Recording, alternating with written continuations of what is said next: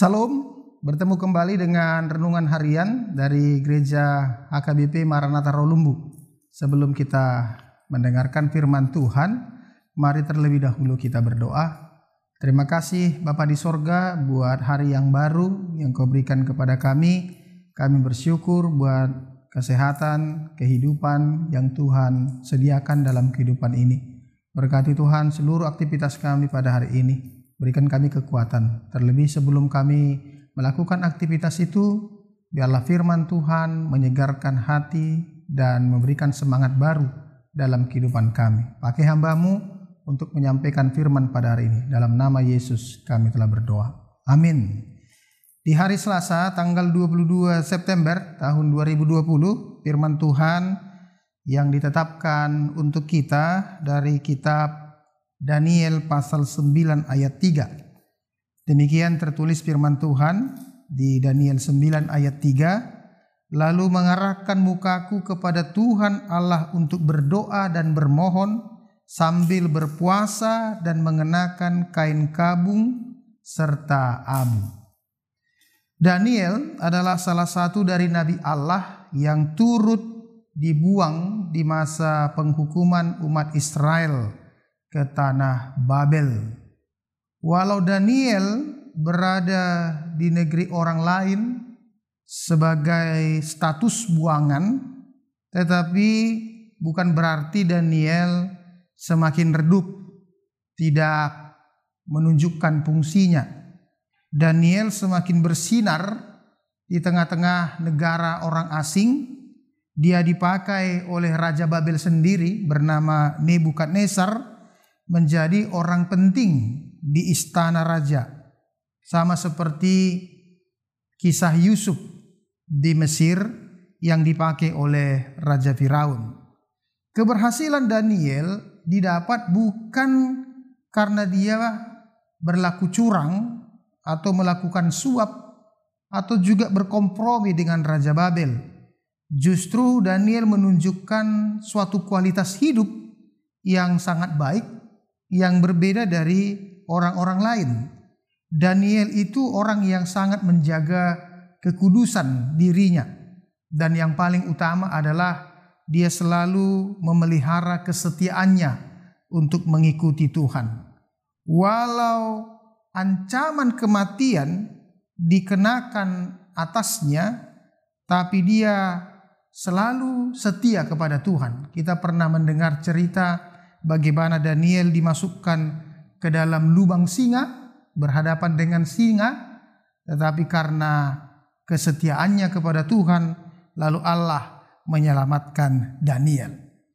Saudara-saudara yang dikasih Tuhan kita Yesus Kristus, Daniel sebenarnya sangat prihatin dan juga merasa sangat menderita karena yang terjadi ke tengah-tengah bangsanya. Daniel mengerti bahwa apa yang terjadi kepada bangsanya adalah semata-mata karena dosa, karena kesalahan yang dilakukan oleh umat Tuhan terhadap Tuhan, sehingga Tuhan mengizinkan, memperbolehkan terjadi peristiwa di mana Raja Babel memporak-porandakan kota Yerusalem bersama juga dengan bait Allah Lalu Raja Babel mengangkut seluruh umat Israel ditetapkan sebagai tawanan atau budak di tengah-tengah negara Babel. Perasaan empati dan rasa keprihatinan inilah yang mau disampaikan oleh Daniel di dalam renungan kita pada hari ini di mana dia ingin menunjukkan sikapnya kepada Tuhan supaya Tuhan berbelas kasihan kepada bangsanya, supaya Tuhan mau berbaik hati dengan keadaan yang dialami oleh umatnya. Itulah sebabnya Daniel berdoa, memohon kepada Tuhan. Dan yang kedua, dia juga berpuasa, mengenakan kain kabung serta abu di atas kepalanya. Yang pertama yang kita lihat adalah berdoa. Doa adalah salah satu kebiasaan yang dilakukan oleh Daniel. Dia berdoa tiga kali satu hari dan menghadap ke arah Yerusalem, yaitu Daniel 6 ayat 11. Dan isi doa Daniel adalah memohon belas kasihan Tuhan agar murka dan amarah Tuhan dilalukan dari bangsanya. Itu bisa kita temukan di Daniel 9 ayat 16. Dari sini kita melihat Bapak Ibu Saudara-saudara bahwa Daniel ini bukanlah tipe orang yang pasrah yang hanya pasif atau nerimo apa yang terjadi di dalam kehidupan bangsanya. Tapi justru Daniel berusaha melakukan sesuatu untuk memohon kepada Tuhan supaya Tuhan menolong umatnya. Apa yang dilakukan oleh Daniel ini, inilah yang harus kita tiru dalam kehidupan kita. Bagaimana kita peduli, bagaimana kita perhatian juga kepada orang lain. Terlebih di dalam situasi pandemik yang sekarang kita alami ini, yang semakin hari semakin banyak orang yang terpapar. Apakah kita pernah berdoa kepada orang lain? Apakah kita pernah berdoa untuk kota kita, untuk negara kita, untuk tetangga kita? Walaupun tetangga kita itu tidak satu paham, tidak satu keyakinan dengan kita, bahkan mungkin tetangga kita itu membenci kita. Kita tahu doa itu sangat penting bagi kehidupan kita. Johannes Calvin mengatakan doa adalah napas hidup orang percaya. Apabila kita berdoa dengan motivasi yang benar, bahkan sikap kita juga benar, seperti yang dikatakan di dalam Yakobus 5 ayat 16, doa orang-orang benar bila dengan yakin didoakan sangat besar kuasanya, maka doa kita itu akan berdampak besar dalam kehidupan kita. Yang kedua yang kita lihat di dalam firman Tuhan hari ini yaitu sikap empati dan perasaan sedih yang ditunjukkan oleh Daniel dengan di mana dia berpuasa dan mengenakan kain kabung serta debu. Daniel melaksanakan puasa dan berkabung selama tiga minggu atau 21 hari. Kitab mencatat puasa bukanlah suatu hal yang baru. Sudah begitu banyak orang yang melakukan puasa di Alkitab kita ini. Misalnya puasa Musa 40 hari 40 malam tidak makan dan tidak minum. Puasa Daud tidak makan dan semalaman berbaring di tanah. Puasa Elia 40 hari 40 malam berjalan kaki. Puasa Esther tiga hari tiga malam tidak makan dan tidak minum. Puasa Ayub tujuh hari tujuh malam tidak berpuasa.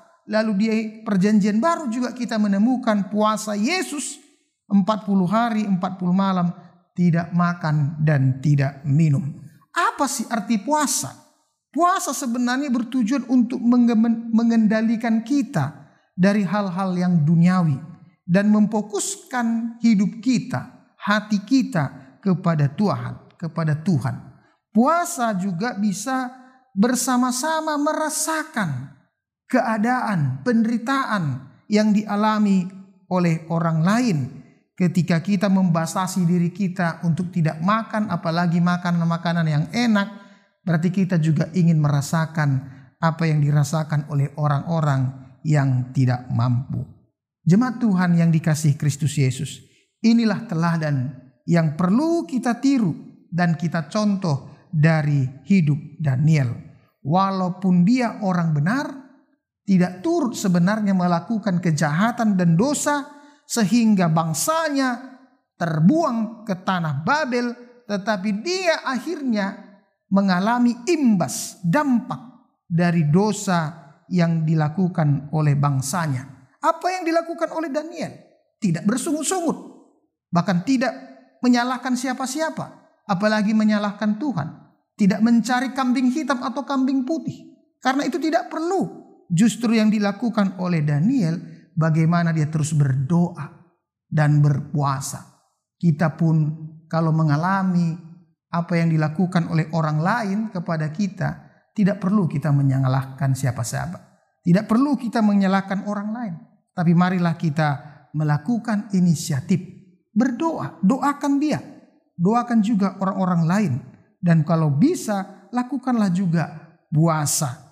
Jadilah pendoa-pendoa untuk orang lain dan jadilah orang-orang yang prihatin dan turut bersedih di dalam penderitaan orang lain. Amin. Kita berdoa. Terima kasih Tuhan buat firman yang kami dengarkan hari ini. Kiranya Tuhan memberkati firman-Mu supaya menjadi makanan rohani kami, supaya kami siap menjalani kehidupan ini apa pun yang terjadi. Terkadang ada hal-hal yang tidak baik yang terjadi menimpa kehidupan kami. Tapi kami tidak perlu menyalahkan siapa-siapa, apalagi menyalahkan Tuhan. Marilah kami meniru apa yang dilakukan Daniel, berdoa untuk bangsanya, berpuasa untuk bangsanya, sehingga Tuhan akhirnya bermurah hati untuk menolong umatnya. Begitulah kami yang sedang menghadapi pandemi sekarang ini. Seringkali mungkin doa kami tidak sungguh-sungguh kepada orang lain, kepada kota kami, kepada bangsa kami, dan mungkin juga kepada dunia ini. Kiranya Tuhan mengingatkan kami supaya menjadi pendoa-pendoa hidup, bahkan kalau bisa melakukan puasa yang baik untuk merasakan penderitaan yang dialami oleh orang lain. Terima kasih Tuhan, berkati kami dalam menjalani kehidupan kami satu hari ini. Dalam Kristus Yesus kami berdoa dan mengucap syukur anugerah dari Tuhan kita Yesus Kristus, kasih setia dari Allah Bapa, serta persekutuan dengan Roh Kudus itulah senantiasa memberkati engkau sekalian. Amin. Shalom. Tuhan memberkati.